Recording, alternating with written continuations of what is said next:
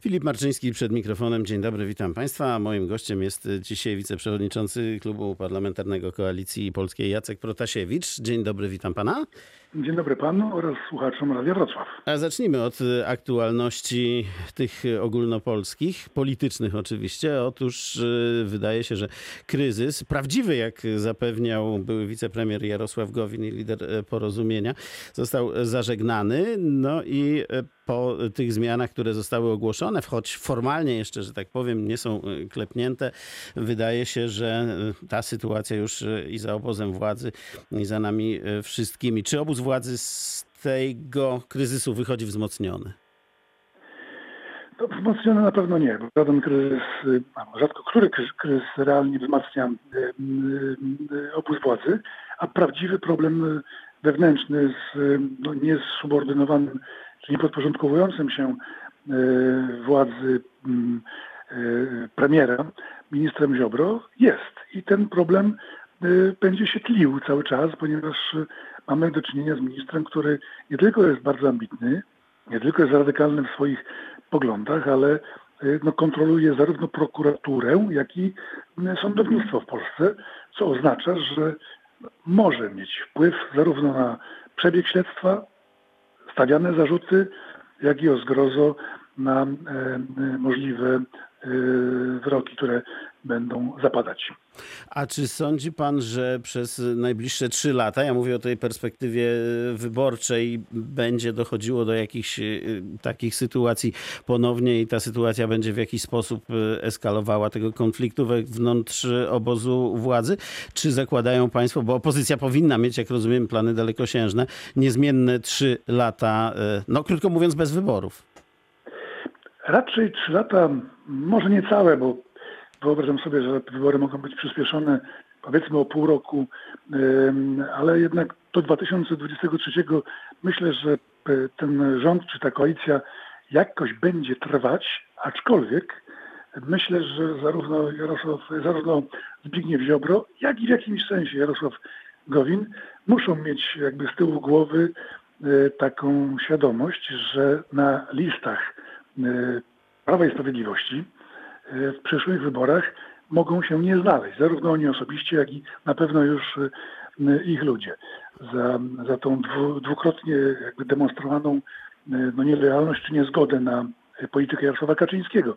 Takich rzeczy Jarosław Kaczyński nie wybacza i dzisiaj z konieczności, bo nie ma alternatywy w parlamencie, dogaduje się, buduje jakieś dziwaczne na skalę światową konstrukcje polegający na tym, że zwierzchnik premiera w partii zostaje jego podwładnym rządzie, no tego, tego rzeczywiście jeszcze mm, chyba nigdzie nie, nie widziano. No ale formalnie może być, prawda?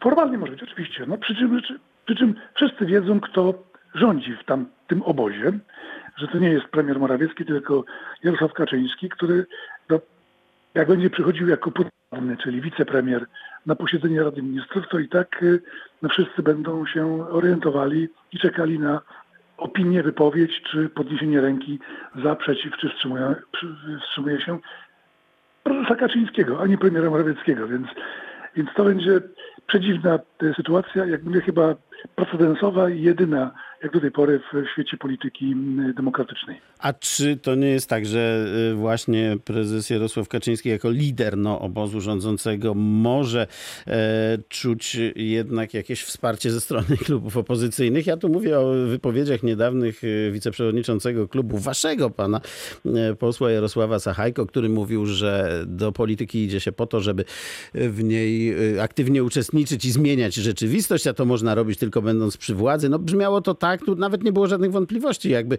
e, on przynajmniej, a być może część e, klubu chciała się przyłączyć do obozu rządzącego. Jak to wygląda wewnątrz? Tak jak pan e, na wstępie naszej rozmowy zaznaczył, ja jestem wiceprzewodniczącym Klubu Koalicji Polskiej, bo to rzeczywiście jest koalicja, która składa się z czterech środowisk, które połączyły które, które połączyło pewna, pewna wspólnota programowa, ale one nadal są autonomiczne. Więc i my szanujemy tę autonomię, więc y, faktem jest, że być może, nawet nie wiem czy wszyscy, ale jest tam sześcioro u nas y, posłów y, z ruchu Kukiz 15, którzy mogą mieć tego typu, byli na pewno kuszeni przystąpieniem do koalicji i jak pan poseł Sachajko wypowiedział, nawet widział w tym jakiś sens, no ale mm, skończyło się na tym, że te sześć, em, tych sześcioro posłów nie rekompensowałoby ewentualnego odejścia czy wyrzucenia em, 19 posłów y, Solidarnej Polski, a już tym bardziej wspólnie 19 Solidarnej Polski i 18 y, A, a to tylko, tylko y, środowisko Kukiz 15 tam było kuszone i było w stanie się przyłączyć? Czy może Tylko. szerzej Tylko. trochę tam można spojrzeć na to? Tylko, znaczy, rozmowy na pewno były prowadzone szerzej, łącznie pewnie z niektórymi parlamentarzystami, nawet i Koalicji Obywatelskiej, ale tylko i wyłącznie przez moment jakoś pozytywnie na te, na te rozmowy y, zareagowali, y, czy zareagował poseł Koalicji Polskiej, y, pan Sachajko. Nawet nie, w, w, jak rozumiem, bo myśmy odbyli też dyskusję na klubie, bardzo taką szczerą, otwartą i uczciwą, bo jak mówię, u nas z racji tego, że jesteśmy koalicją, y, prawo do samodzielnego y, stanowiska, do odrębnego, odrębnych poglądów y, jest respektowane. Więc no, on rzeczywiście powiedział o tym, że realny wpływ na rzeczywistość ma zawsze koalicja rządząca, a nie opozycja. Jest to faktem.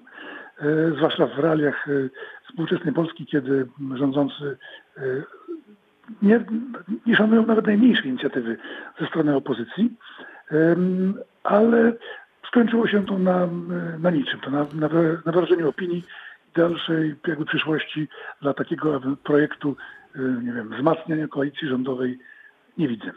A ten wniosek o odwołanie ministra sprawiedliwości, już tak y, krótko kończąc ten wątek, to pańskim zdaniem ma sens? Bo był bardzo krytykowany choćby przez komentatorów.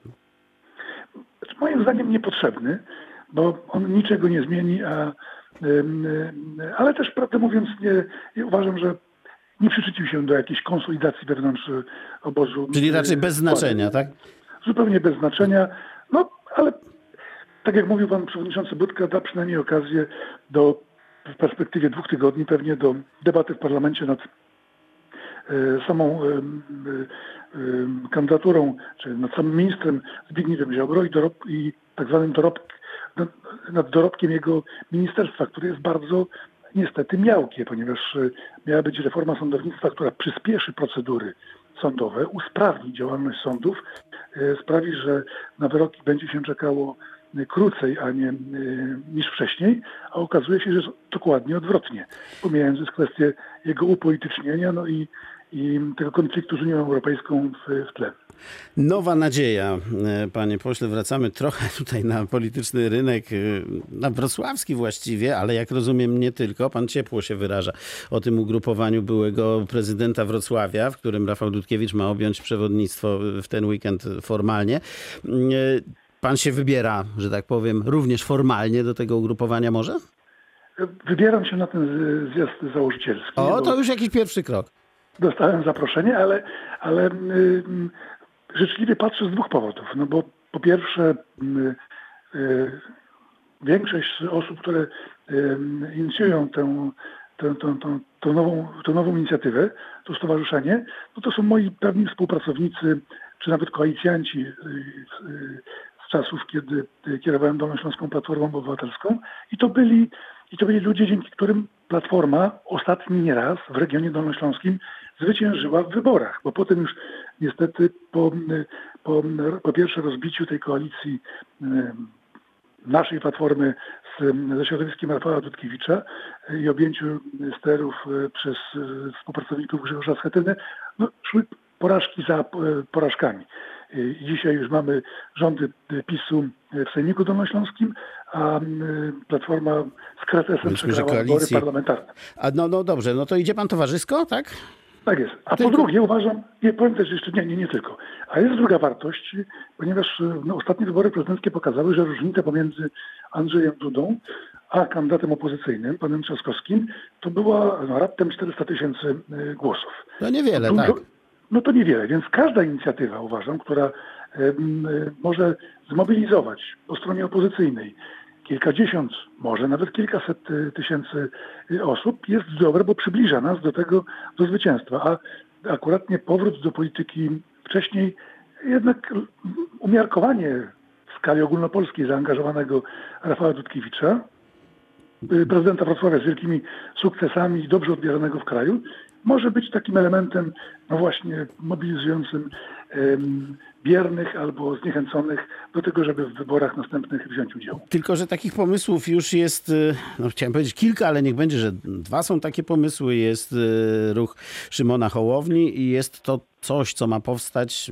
Właściwie tutaj trochę sytuacja się, e, sytuacja zwolniła wokół właśnie wspomnianego przez pana kandydata na prezydenta Rafała Trzaskowskiego. Mm, Podobno nowa nadzieja ciąży w kierunku Hołowni, tak y, słyszałem, ale czy trzeci taki ruch ma, ma, ma, ma szansę?